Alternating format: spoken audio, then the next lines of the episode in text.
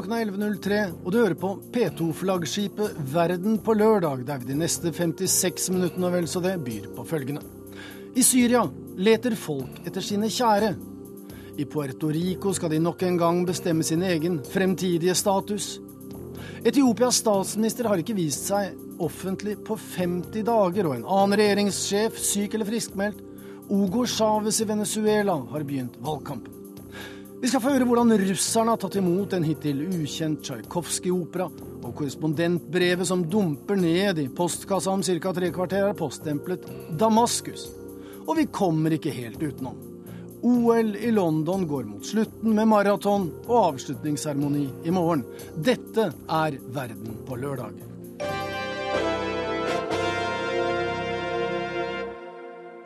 USAs utenriksminister Hillary Clinton er på vei til Tyrkia, der hun skal ha samtaler om Syria med statsminister Erdogan i Istanbul, byen der den syriske opposisjonen også har sitt hovedsete. Men mens diplomatene fortsetter forhandlingene i håp om å finne en løsning i Syria, så fortsetter kampene om Aleppo. Og som vanlig i krig er det sivilbefolkningen som lider. Det vet vår reporter Sissel Wold, for hun har vært der. En liten nøkkel vris rundt og åpner en brun tredør. Gjennom et gitter ser jeg på mer enn 20 menn som sitter på gulvet i et stort rom. Alle er kortklippet, noen barbert på hodet, og alle stirrer mot meg med runde øyne. Ja, slik føles det i alle fall, og jeg stirrer tilbake på dem som i en dyrehage.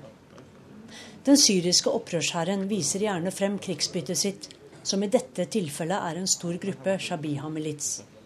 Vi ber om å få snakke med to av dem. Jeg er Shabih, sier en av de kortklipte. Jeg var med på motdemonstrasjoner. Jeg sloss med dem som demonstrerte, og banket dem opp. Ellers selger jeg sko, sier mannen med grå bomullstrøye. Gjennom gitteret ser jeg på fangen hvis skjebne er ganske uviss. Mennene bak ham har alle på seg bomullstrøyer og grå eller blåaktige bukser. Gulvet de sitter på, er dekket av matter og madrasser. De har ingenting annet å gjøre enn å la tiden snegle seg av gårde. Her finnes ikke bøker eller spill, og under ramadan har de heller ingen måltider å se frem til på dagtid. Den beryktede Shabiha-militsen til regimet beskyldes for å stå bak massakrer der også barn ble likvidert med kniver.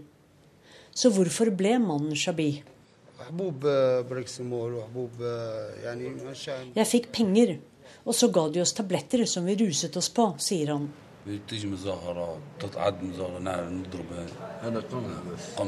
Jeg har dengt opp folk, laget problemer for dem som demonstrerte, sier Shabihaman nummer to.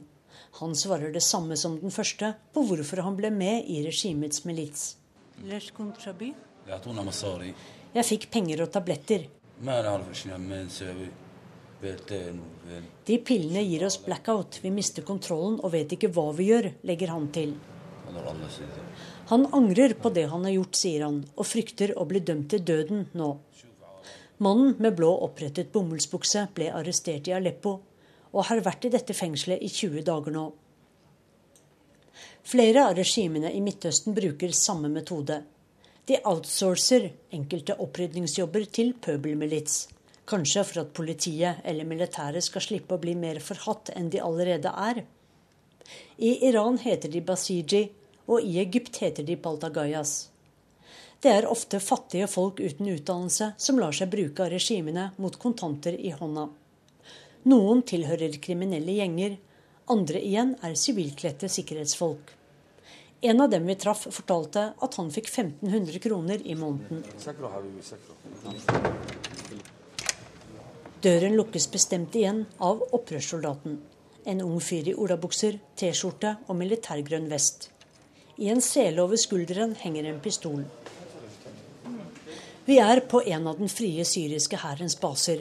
Stemningen er amper i dag, siden meldingene fra Aleppo er entydige. Regimets hær er på fremmarsj. En av dem viser oss en SMS sendt fra regimets informasjonskontor til alle med mobildekning i Aleppo og omegn der vi er. Regimet er på vei. Redd dere selv og familien. Angi forrædere. Utenfor muren som omringer militærfengselet og basen, treffer vi på et par. Det viser seg å være en søster og en bror, begge et sted i 50-årsalderen.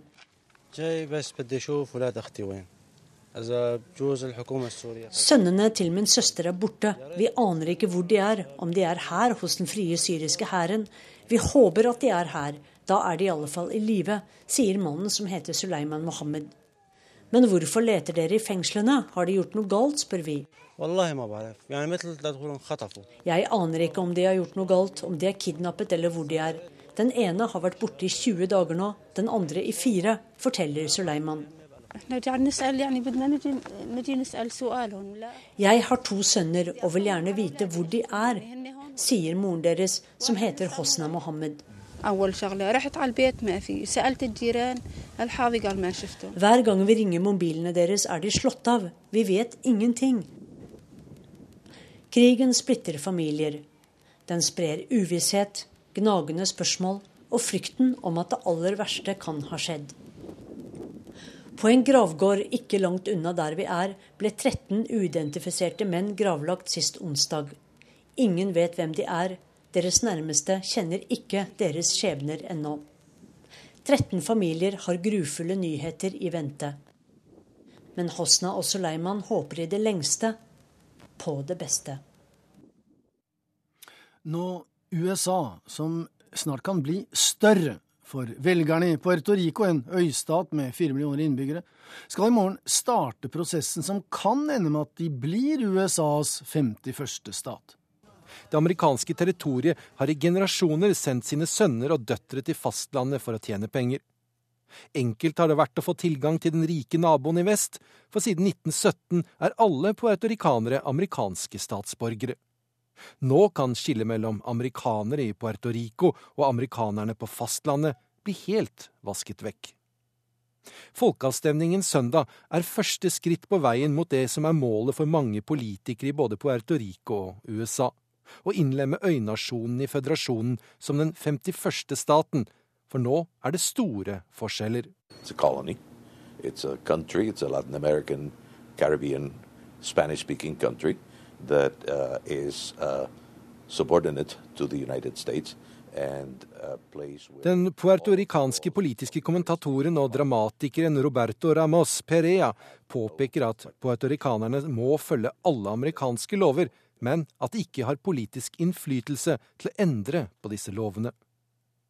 Den ene representanten puertorikanerne har i den amerikanske kongressen, kan ikke stemme, og puertorikanerne kan ikke være med på å bestemme hvem som skal være president. Det som er tilfellet, er at puertorikanerne som bor i USA, har stemmerett, og de er viktige støttespillere for Det demokratiske partiet. Omtrent 67% av puertorikanerne som stemte i 2008, støttet Barack Obama. Det er noe som ifølge den amerikanske høyresiden er en viktig del av grunnlaget for folkeavstemningen.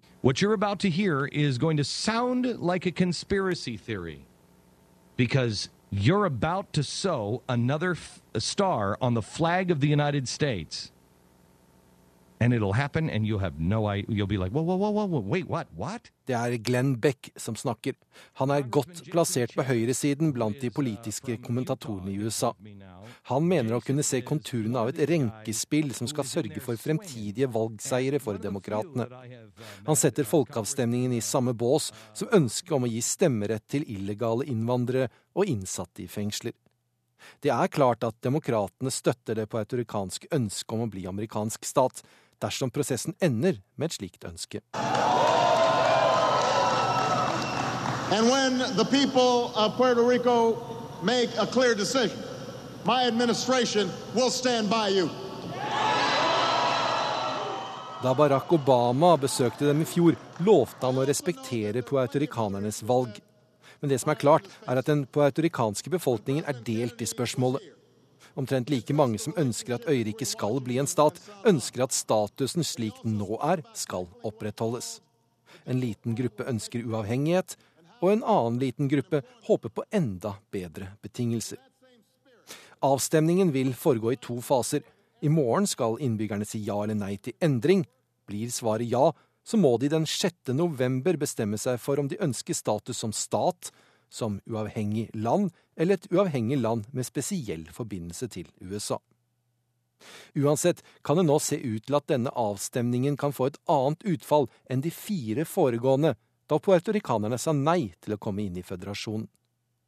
For de som ønsker uavhengighet og enda bedre betingelser, kan føre til at svaret på det første spørsmålet blir ja.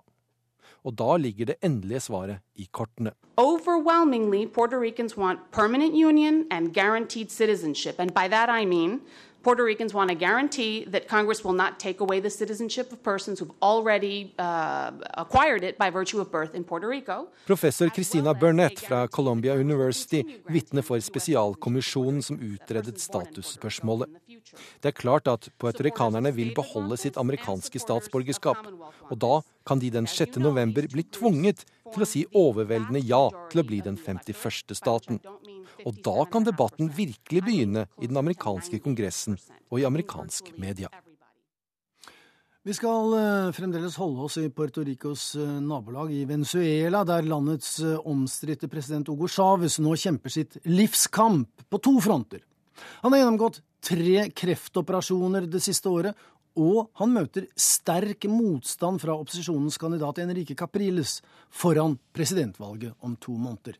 Arnt Stefansen har laget denne reportasjen.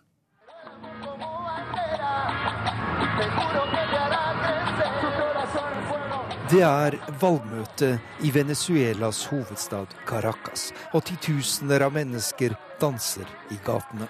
På scenen står en kraftig mann i rød alpelue og blå jakke og gjør et forsøk på å spille elektrisk gitar. Hugo Chávez nekter seg ingenting, og opptrer gjerne som klovn. Men når han hopper rundt på scenen med sin gitar, sender han også ut et viktig politisk budskap. Se, jeg er frisk som en fisk. For etter tre kreftoperasjoner det siste året er presidentens helse et av de viktigste spørsmål foran presidentvalget den 7. oktober. På valgmøtet får han støtte fra et land han ellers ynder å skjelle ut.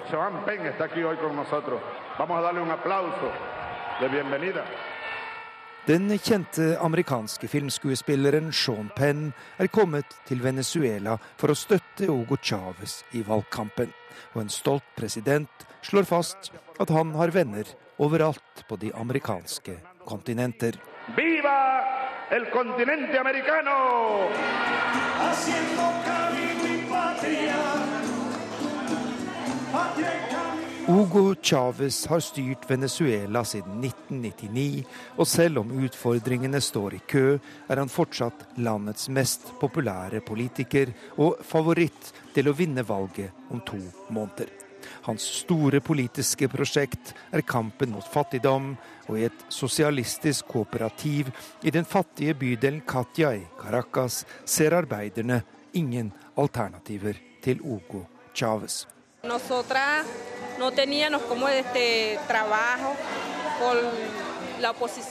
da de som nå er i opposisjon hadde makten, var vi uten arbeid. Høyresiden i dette landet har aldri likt de fattige. For dem er vi ingenting, sier tekstilarbeideren Luisa Nuña. Kanskje har Chávez gjort enkelte feil, men han er den beste lederen vi har hatt, og jeg vil ikke for mitt bare liv ha høyresiden tilbake i regjering sier hun. Det siste tiåret har vært et sørgelig kapittel for Venezuelas høyreopposisjon. Dyp splittelse og grove politiske feilgrep har preget partiene på høyresiden, og det eneste de har vært enige om, er at president Hugo Chávez ødelegger Venezuela, og at han må vekk jo før, jo heller. Men nå har de fått en leder som hele opposisjonen stiller seg bak.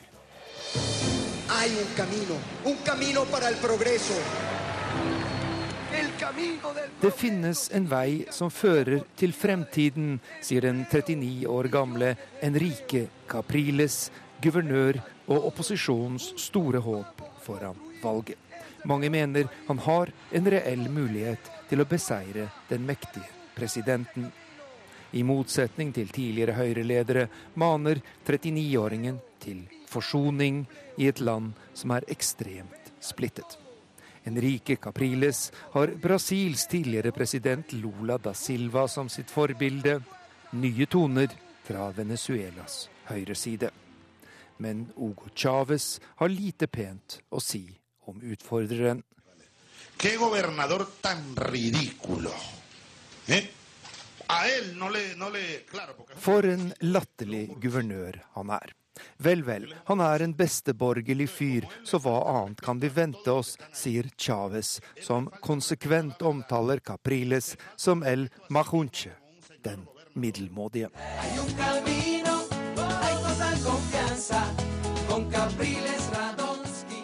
Etter nærmere 15 år i skyggen av den ruvende sosialistlederen og presidenten Hugo Chávez har Venezuelas opposisjon fått en leder som samler og begeistrer, og som tenker nytt.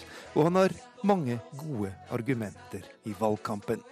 For det er mye som ikke går på skinner i presidentens store prosjekt, en sosialisme for det 21. hundreåret.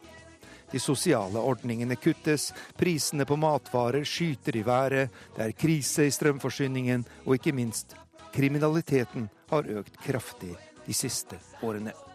Det kan bli spennende uker i venezolansk politikk frem mot presidentvalget den 7. oktober.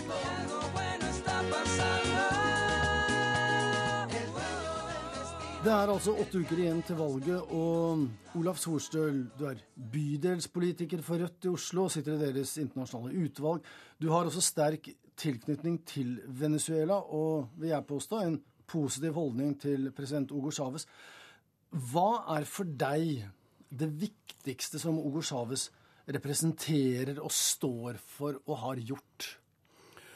Eh, for, for, å bruke litt fakta, eh, så mener jeg at det viktigste er at eh, ifølge CEPAL, FNs organ for Latin-Amerika, så har da fattigdommen i Venezuela gått ned i perioden til Chávez fra 98 til nå fra 50% til 20% og ekstrem fattigdom har gått ned fra 25% til 7% og dette er jo tall som viser ved siden av hele tilgangen til at 15 millioner mennesker har fått tilgang til helsevesen som ikke hadde før. Eh, hele alfabetiseringskampanjen, satsing på utdanning, satsing på sosial tiltak for befolkninga, som i budsjettet før dette hadde 36% og nå har noen 60% Dette er tall som viser at det er en framgang på ganske mange områder som er til gode for de fattigste i landet. Og det er der også Chávez har sin støtte, naturlig nok. Men du, du sa innledningsvis nå, uh, for å referere til fakta. Mm. Mener du med det indirekte da å si at veldig mye av debatten om Venezuela og kritikken av Hugo Chávez ikke er basert på fakta? Veldig mye av det som kommer i Norge er basert på opposisjonens eh, kanaler. De styrer ganske mye, til tross for at det sies det motsatte her i Norge, så styrer de ganske mye av media i Venezuela. Eh, de fleste TV-kanalene er jo private, opposisjonelle. Du har én TV-kanal som er statlig. Eh, sånn at det, Når jeg snakker om fakta, så er det fordi det er FN-fakta. Men, men la, oss, La oss dvele ved det, for det er jo et av hovedankepunktene. Chávez har kneblet opposisjonen, han har eh, stengt radiostasjoner osv.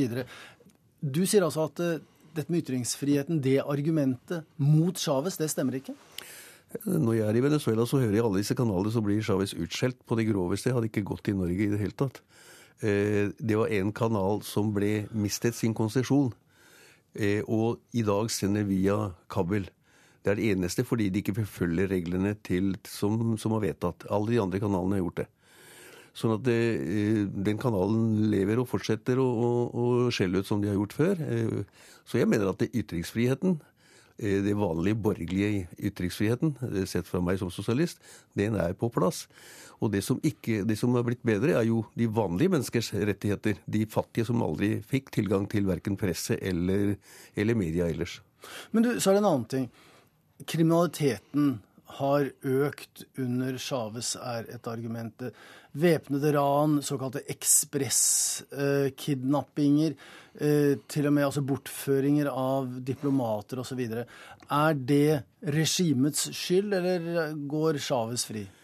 Nei, jeg vil ikke noen skal gå fritt. Han har vært veldig opptatt av dette. og man startet med, Politiet var ganske gjennomkorrupt. Det var veldig mye kriminalitet i Venezuela. Det kjenner kanskje du til som har vært der. Eh, før også, og man hørte det samme. Eh, Tallene om økning osv. vet jeg ikke, men det er i hvert fall altfor høyt uansett. Og det man gjorde, var jo å lage en ny Istedenfor å sparke alle hele politiet, så ville vært meningsløst. Ettersom da ville man stå uten politi, så har man da fått en ny politilov. Og de første som blir utdanna ifølge politiloven nå, det nye utdanningssystemet for politiet, de har begynt å komme nå. Og det har hjulpet noe allerede. Og det ser jeg framover, for de har en korrupt politi som da mer hersket områder i slummen eh, før, det er ganske ille, altså. Neste punkt er inflasjon og høyere matvarepriser. Det brukes også som, som et bevis på at den bolivarianske revolusjonen har feilet. Nå har jeg ikke grafer med meg her, naturlig nok, men eh, inflasjon er jo faktisk eh, lavere i perioden til Chávez gjennomsnittlig enn det var eh, årene før, uten at man er veldig fornøyd med det. Men det som er forskjellen nå, er at man har økt lønningene i tråd med med, med inflasjon, eh, og delvis over. Og noe av eh, inflasjonen skyldes også økt etterspørsel, fordi mange fattige har nå tilgang til å kunne kjøpe varer som ikke de hadde før. også. Du, Denne bajas-stilen til Hugo Chávez, som jo er underholdende for mange, men som sa, provoserer veldig mange. Men, men samtidig, han er, han er bajas og, og, er veldig anti-imperialistisk, anti-amerikansk. Men likevel så er Venezuela en veldig lojal og sikker leverandør av olje til USA, som USA er helt avhengig av. Taler han med to tunger? Er det teater, eller hvordan forklarer man den tilsynelatende motsetningen? Altså, Jeg vil ikke kalle det bajas, jeg vil kalle det sånn ordentlig venezuelaner. Eh, som vanlige folk i Venezuela er. Ikke som borgerskapet i Venezuela er, for de har jo mer europeisk, eh, amerikansk stil. Men eh, det, er i grunnen å prøve å være litt morsom. Men kontaktene med USA, for å ta det, da, eh, så har eh, Venezuela under Chávez har ønsket å ha et bra kontakt med USA. Det er USA faktisk som har gjort det motsatte. Og vi har også sett hvordan, hvordan eh, ifølge Wikileaks så prøvde USA også å skape splidd mellom Lula og, og, og, og Chávez, og det gikk ikke. Eh, Capriles for eksempel, han har sagt at det, han ønsker Han har Lula som modell. PT, partiet til Lula, har sagt at de vil ikke ha noe med Capriles å gjøre i det hele tatt. For de støtter opp om eh, bolivarske revolusjon. Så liksom, han, det er han som driver og spiller på flere hester, og, og veldig uredelig, egentlig. Fordi når han står for at han skal bygge på de reformene som er, som stort sett partiene hans har stemt imot tidligere når de ble vedtatt, så, så er ikke det å tro. Og jeg tror at Chávez kommer til å vinne med støtte fra de fattige. De rikeste, som har fått veldig mye skatt, eller halvveis i forhold til norsk nivå, da, enn det de hadde før, de, da, de, de støtter ikke opp om Chávez. De ønsker ham vekk fordi de er nødt til å betale skatt nå. De store selskapene, de rike i Venezuela. Da sier vi takk til deg, Olaf Sorstøl, for at du kom i studio.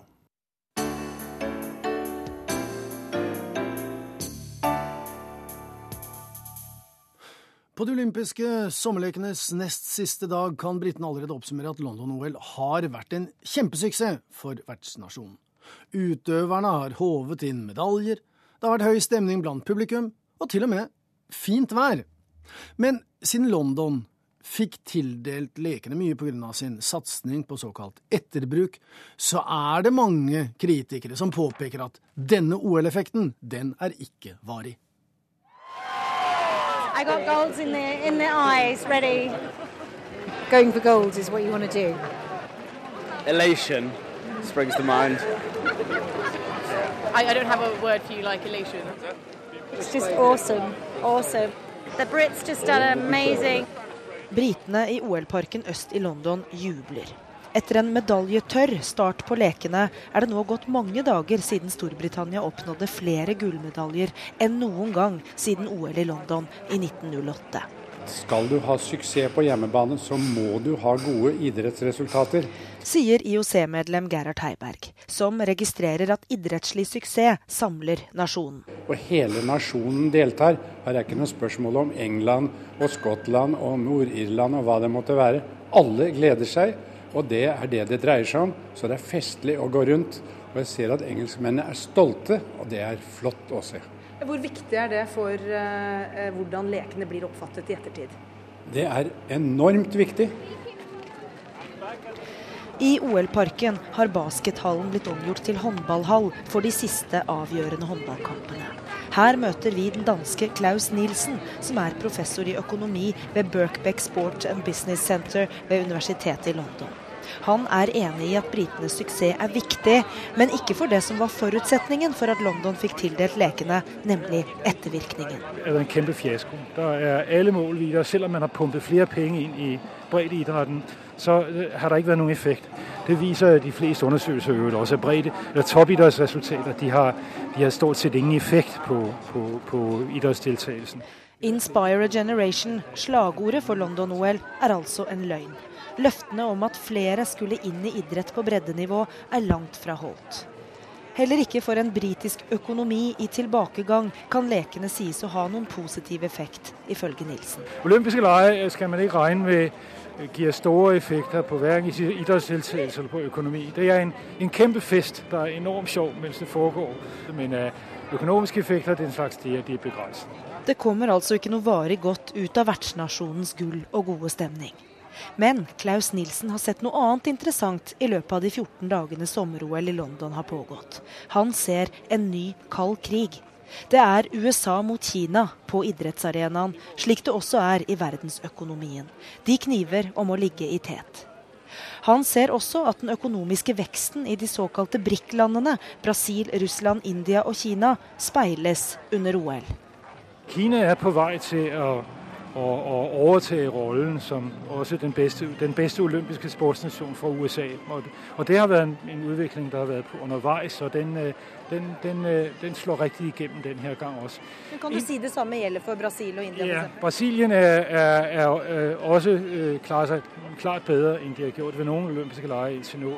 Indien kan man se det på, på, fra et, et meget, meget lavt nivå begynner de nå å få ikke så mange medaljer, men de får topplasseringer innenfor en del idrettsgrener. Så de, det vil også slå igjennom om, om, noen, om måske en to-tre olympiske leker. vil de også. Øh. Men da må jeg også spørre deg om de kriserammede eurolandene? Jeg tror ikke det er det. På kort sikt kan man ikke forvente at Grekenland, øh, Spanien, Italien så nødvendigvis klarer seg dårligere enn de ellers ville. Det, vil, det kan man måske regne med om, om i 2016 og 2020 så til gengæld. Så om et par OL-er kan det se enda mer annerledes ut når eurokrisen har fått satt seg ytterligere også i idretten, ifølge professor Nilsen. Men i OL-parken på østkanten av London er det lite som tyder på krise. Det er stappfullt av glade mennesker. Mennesker som vil vinne. Which is very important because you're not really right in the reckoning until you've got till you've got on that chart. So yeah, no, you you want to be the best, don't you? Og når man er best, eller i det minste veldig god, så kan vel det føre til noe positivt likevel? Noe som kanskje ikke er klingende mynt i kassa eller en mer sporty befolkning, men som kanskje har en varig verdi, det også? Ja, mener Gerhard Heiberg. Gjør du det bra på hjemmebane, så er ettervirkningene enormt positive. I Etiopia er det 50 dager siden statsminister Mele Senavi viste seg offentlig sist. Dette fraværet har gjort mange nervøse, ikke minst fordi det koptiske flertallet i landet mener at muslimske naboland forsøker å utnytte dette maktvakuumet ved å oppfordre til islamsk revolusjon. Og spesielt alvorlig må helsesituasjonen være, siden Senavi ikke har vært til stede i London eller på annen måte hyllet etiopiske OL-helter. Fra Etiopia som eh, vinner gull her i London i eh, dette øyeblikk. Populære Tiki Gelana løper i mål til gullmedalje i maraton under OL i London. Et meget veldisponert løp av eh, Tiki Gelana fra Etiopia. Etter at Tiki løp i mål, gikk nasjonen hennes av hengslene, men noe manglet, noe viktig. Landets ubestridte leder, statsminister Mele Senawi, satt ikke på tribunen. Det kom ingen gratulasjonstelegram fra ham heller. I Etiopia er innbyggerne urolige. Han har ikke vist seg offentlig på over 50 dager, og ryktene svirrer. Alt fra at han er alvorlig syk på et kreftsykehus i Brussel, til at han allerede er død. Hele nasjonen er i villrede, vi vet ikke hva vi skal tro. Det sier Solomon Abebe, til daglig turoperatør i Etiopia, på en litt dårlig telefonlinje. It's between life and death, you know, they said So it's a lot of rumors. Yeah, rumors, There are lots of rumors. But in Ethiopia, you know, in Africa especially. Noen hevder at Meles Zenawi svever mellom liv og død. Ja, ryktene florerer. Det er typisk Afrika. Man sier ikke fra hvis en leder er alvorlig syk. Even we didn't see in the news, we didn't see in the TV, in the media, we lost him for a long time. Vi har ikke sett ham på TV på aldri så lenge. Ryktene skjøt fart da toppmøtet i Den afrikanske union tok til 9.7. Meles Zenawi pleier å ønske afrikanske ledere velkommen til vertsnasjonen. Addis Abeba er som Brussel for EU. Meles Zenawi har de siste årene hatt en høy internasjonal profil. Han er ofte Afrikas stemme på G8, G20 og FNs toppmøter. Sammen med Norges statsminister leder Meles et klimapanel der hans kampsak er at Vesten står bak klimaendringene, men det er Afrika som rammes av fenomenet. The damage of climate change is not something that could happen in the future. It's already here with us, sowing misery and death across the land. I avisen er det bilder av Meles Zenawi tatt 18. mai der han ser sunn og frisk ut, og 18. juni under G20-møtet i Mexico, der ser han tynn og blek ut. Vi er nervøse, vi gråter og vi ber, sier Kiddis Taddese, som jobber som sekretær i hovedstaden Addis Abeba. Everybody crying for him. Church, even the congregation. Uh, for him. I kirken er det bønnegrupper som ber om at statsministeren må bli frisk. Kiddist sier at muslimske land utnytter vakuumet nå når statsministeren er syk. Muslims, Make revolution. Mm.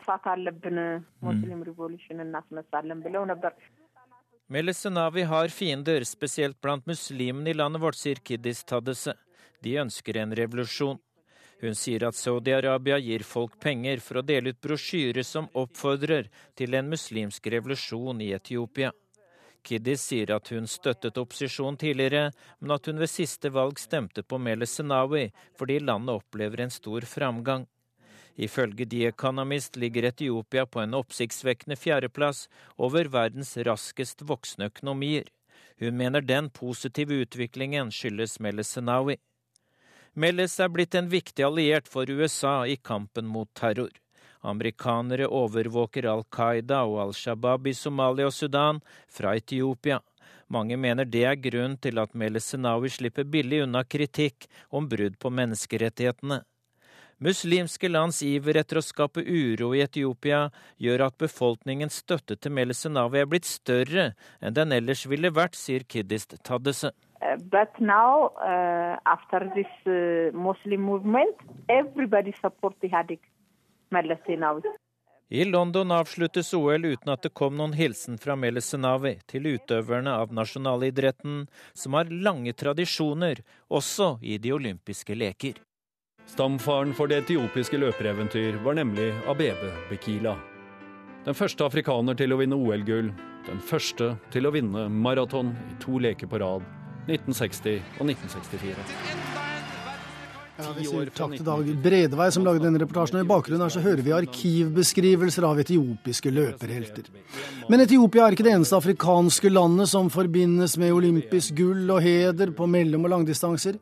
Kenya er kanskje enda mer profilert som løpeland. Og Afrikakorrespondent Lars Sigurd Sunnanå, du er i Kenya, men du kan kanskje selv si mer om hvor du er og hvorfor akkurat nå? Ja, Nå er jeg oppe i løper-eldorado i Tenn, nord i Rifsdalen, hvor stort sett de fleste av verdens toppløpere ligger og trener på 2500 meters høyde. Og her er jo spenningen enorm nå foran maratonløpet som avslutter de olympiske sommerlekene i London i morgen. Fordi hittil så har det ikke gått spesielt godt med Kenya i, i løpsøvelsene. De har sikret seg to gull.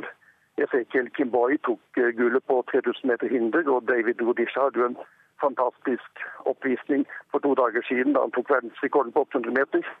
Men ellers så har ikke løperne levd opp til forventningene, eller løpt opp til forventningene her i Kenya så langt. For uh, fire år siden så tok den kenyanske troppen med seg seks gullmedaljer fra Beijing. Hittil har de altså bare klart to, og nå er da forventningene store til maratonløpet i morgen. Men du, hvordan forklarer man eh, denne relative tilbakegangen? Nei, man, noen mener at Kenya ikke har fulgt med i timen og ikke tatt inn over seg en rekke la oss si, vitenskapelige treningsmetoder. Og at dette er det som har gjort at Etiopia og andre land gjør det nå mye bedre enn kenyanerne, som kanskje i stor grad har løpt på naturtalent uten å helt ha hatt det støtteapparatet vitenskapelig som de trenger for å nå til topps i dagens løpsøvelser. Så hvis det blir tap uh, i morgen også, da blir det ikke bare tristest der du er, men da blir det landesorg i hele Kenya? Ja, Da blir det landesorg, ikke minst her i Penn, fordi en av de store favorittene i morgen er jo uh, Wilson Kipsang, som er landsbyens store sønn. Han har bygd kirker her, han har bygd skoler her for pengene han har løpt inn. Og hvis ikke han vinner i morgen, så blir det ikke dyp sorg bare her, men også over hele Kenya, selvfølgelig. Da takker vi deg for deltakelsen, Lars Sigurd Sunana. Men vi slipper ikke helt denne maratondistansen ennå. Maratondistanse på pussige 42 195 meter. Det er en konsekvens av at øvelsen på engelsk måler 26 miles 385 yards, eller ikke det noe spesielt rundt tall.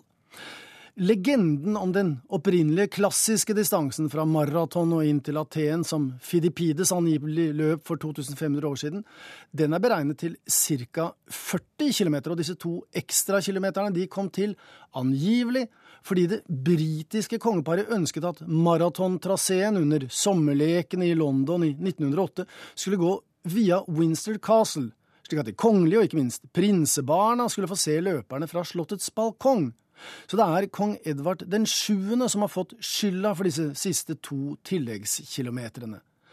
Det har i mer enn 100 år vært en litt dum, men for så vidt rørende fortelling, men nå har den amerikanske journalisten og skribenten David Davis ødelagt alt. Han har nemlig sjekket historien, og den viser seg ikke å være sann. For det var den maratonansvarlige i 1908 som ønsket å begynne maratondistansen ved Winster Castle. Well, the, the greatest place to start it would be it, on his wish list would be Windsor Castle, or such a symbol of, of British power at, at a time when Britain was the world's mightiest superpower.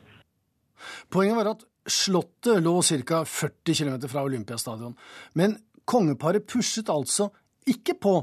De var eh, tvert imot litt nølende med å gi sitt samtykke, ifølge David Davis. Uh, it, it, took some time for the king and the queen to sort of give their okay that it's okay to start on the grounds of Windsor Castle. Men så løp man da heller ikke i luftlinje, så praktiske løsninger måtte finnes der bygninger lå i veien. Det måtte være mulig å ta seg frem til fots uten altfor store problemer, og løsningen ble da en ekstra avstikker her, og man tok hensyn til folk og fe der, osv. Og, så og vips, så var distansen der. Så det hadde ingenting med kongehusets påståtte ønske om å få se maraton fra Winster Castle. Det var helt tilfeldig at det ble akkurat 42 195 meter, forteller Davies.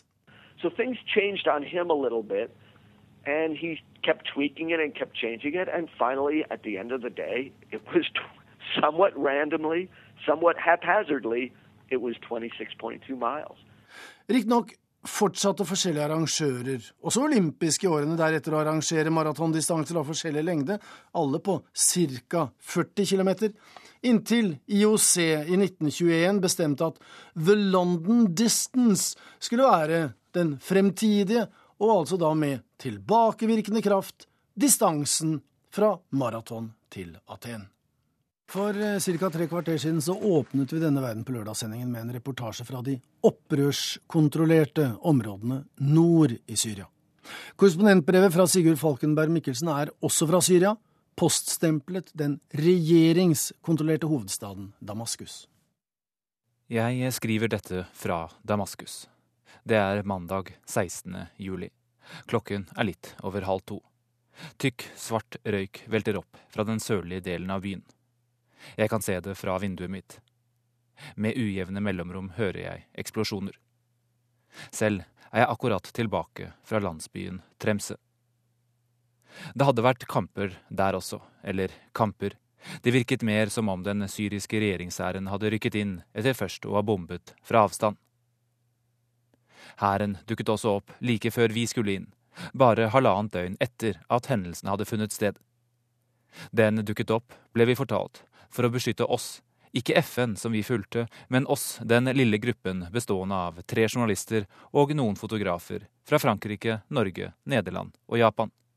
Beskytte oss mot en ukontrollerbar sivilbefolkning. Takk som byr, men nei takk, det var ikke slik beskyttelse vi trengte, tvert imot. Og FN nektet å dra inn med hæren på utsiden. De var etter harde forhandlinger blitt lovet å reise inn alene, uten tilstedeværelse av væpnede styrker, og vår kolonne ble stående på utsiden av byen mens de forhandlet på nytt for å få de til å fjerne seg. Til slutt lyktes FN, og jeg kunne se to stridsvogner og en sju-åtte kjøretøy fulle med soldater rulle ut fra den lille veien som leder inn til landsbyen. Da var skaden allerede skjedd. Innbyggerne i Tremse mistenkte FN for å ha ledet soldatene til byen på nytt, og stemningen var så urolig at FN, som hadde hatt folk inne på formiddagen, holdt sine hovedetterforskere ute. Den piperøykende danske offiseren som ledet operasjonen, sa Ingen av mine folk kommer til å leie dere inn, men dere må gjerne gjøre det på egen hånd. Dere er jo den frie presse. Tremse i det halvannet døgnet som hadde gått før jeg ble ledet inn av en sverm med folk på moped og lette motorsykler, var Tremset blitt kjent verden over. Aktivister og opposisjonelle hevdet en massakre var begått i landsbyen. Over 200 mennesker skulle være drept. Vi ble ledet til utbombede hus, til en skole med et stort bombehull i på den ene veggen.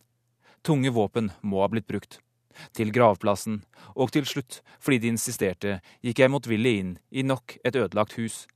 Motvillig fordi alle forsinkelsene hadde gjort at det nå var sent, og om ikke lenge ville solen gå ned, og da vil man nødig befinne seg ute på denne kanten av landet. Men jeg gikk altså inn, og når jeg tenker på det nå, så var det som å være i et gravkammer.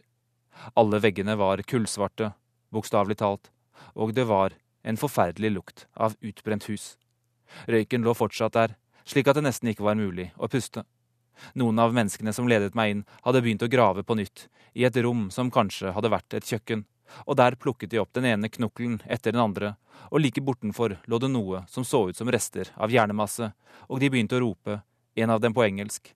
Bare i tremset, bare i tremset, se! Jeg skulle ønske han hadde rett, at dette bare skjedde i tremset. At det som skjedde her, var så ille at det ikke kunne ha hendt andre steder. Dessverre er det ikke slik. Det som skjedde i Tremse, har skjedd også i andre områder hvor kampene raser, hvor landsbyer og byer har vendt seg mot regimet i Damaskus. Og selv om det denne gangen ikke ser ut til å ha vært kvinner og barn som ble angrepet bevisst, selv om hendelsesforløpet ikke er klarlagt i detalj, så forteller denne hendelsen noe om brutaliteten i krigføringen, som også smitter over på den andre parten. I et eh, forsøk på å vinne tid, som senere skulle vise seg å være mislykket, bestemte vi oss for å ta småveiene som leder til Homs, og deretter ta motorveien til Damaskus. Der krysset vi kontrollpost på kontrollpost. Noen av stedene var soldatene tydelig spente, for et sted løftet en av dem geværet og siktet mot oss da vi kom kjørende. Og da vi var dypt inne i dette området, med få returmuligheter, var det full stans.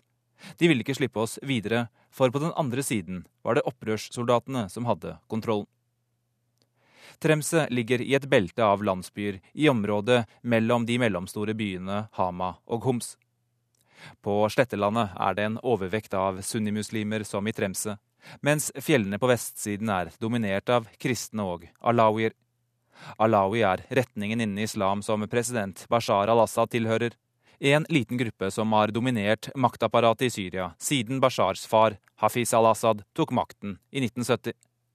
I Tremse påsto en kvinne jeg snakket med at folk fra nabolandsbyen, hvor alle er alawier, hadde kommet med kniv og kuttet strupen på folk.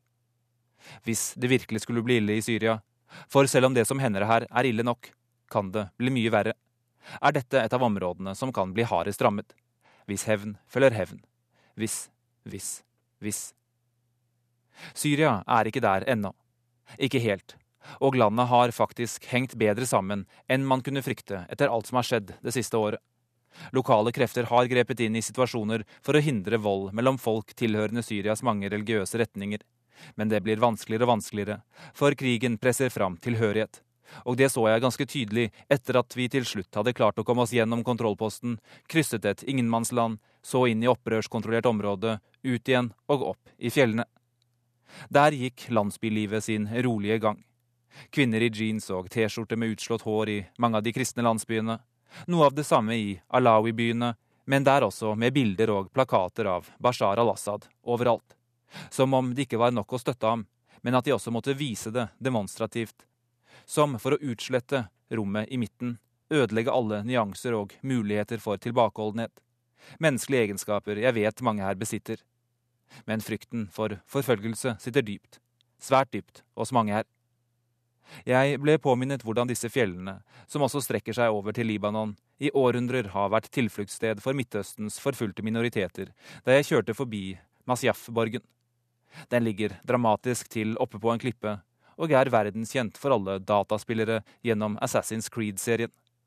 Det er her Assassinerordenen hadde sitt hovedkvarter etter at de var tvunget ut fra Iran. Og herfra sendte de sine snikmordere rundt om til herskere og lekmenn, i tjeneste for seg selv og andre. Deres bedrifter står i dag i et romantisk og mystisk skjær, som et brorskap av overmennesker, og det mangler ikke på fortellinger, sanne eller ikke, som har fått leve opp gjennom historien, som den at lederen for ordenen en gang ba en av sine soldater hoppe fra borgmuren. Lederen ville overbevise korsfareren grev Henri av Champagne at selv om han ikke hadde så mange soldater, så hadde han den sterkeste hæren. Soldaten hoppet. Men disse historiene er ikke poenget her. Det er heller at assassinerne tilhørte ismailittgrenen innen shia-islam, en religiøs retning som fortsatt eksisterer i dette lappeteppet som er Syria, og som nå holder på å bli revet opp. Er det så hele bildet? Et opprør mot en autoritær stat som har glidd over i en borgerkrig langs etniske og religiøse skillelinjer? Det finnes også andre krefter, som forsøker å dra Syria videre, som forsøker å trosse historiens tyngdekraft og skape noe nytt. Men jeg er redd at jo lenger krigen får vare, jo flere hendelser som den i Tremse, jo vanskeligere oppgave har de. Vi nådde ikke Damaskus før solnedgang og ankom en hovedstad som var mer mørklagt enn jeg husker den som i fredstid. Strømforsyningen holder på å svikte, selv om det da ikke var krigshandlinger i byen. Jeg tok meg i å spørre meg selv nok en gang hvor lenge dette kunne vare, hvor lenge krigen kunne avgrenses til landsbygda og de halvstore byene. Det tok ikke mer enn et drøyt døgn, for det er mandag 16. juli her i Damaskus, og tykk, sort røyk velter opp fra de sørlige bydelene. Post scriptum. Assassinernes metoder har ikke forsvunnet. Det er onsdag. Jeg står ved den nesten alltid tørrlagte kanalen i den velstående bydelen Rauda. En gang min daglige vei til universitetet i Damaskus. Akkurat nå et avsperret område. Det er stille der. Ingen panisk skriking, ingen folk som løper og hyler, ingen som raser programmessig foran et TV-kamera. Det er bare stille. Kanskje er det fordi vi er såpass langt unna der eksplosjonen skal ha skjedd, i et av Det nasjonale sikkerhetsrådets hovedkvarter. Men også, tror jeg, fordi alvoret er så tungt. De på innsiden vet mer enn vi på utsiden. Sakte lekker informasjonen ut, uten at vi får mulighet til å dobbeltsjekke noe av det. Avsperret som området er. Men Bashar al-Assads svoger, Asif Shaukat, jusstudenten som giftet seg med Bushra Assad etter lang kamp, og inntil i dag en av de etter sigende mektigste menn i regimet, er drept i eksplosjonen sammen med blant andre forsvarsministeren. Bomben ble enten fraktet av en selvmordsbomber, eller, slik opprørerne hevder, gjemt i lokalet hvor de møttes, muligens i en sjokoladeboks og en blomsteroppsats. Krigen har nådd de innerste sirkler, og mens jeg står der, kan jeg kjenne på den elektriske spenningen og trykket som bare slik stillhet kan skape. Stillheten før alvoret virkelig synker inn. Stillheten før kamphelikoptrene skal opp i luften. Stillheten før artilleriet skal fyres av. Stillheten før panservognene skal bevege seg. Før soldatene rykker ut. Det er stillheten til en by som vet at det er nå det begynner. Og det sa Sigurd Falkenberg Mikkelsen. Og selv om denne sendingen nå er ved veis ende, så minner vi om kortversjonen klokken 16.40, og ikke minst podkastmulighetene, samt nrk.no, der korrespondentbrev og mange av sakene gjenfinnes. Og vi som minner om dette, det er teknisk ansvarlig Lisbeth Selreite, det er skript Silje Lykke Spjelkavik, og her i studio Joar Hoel Larsen.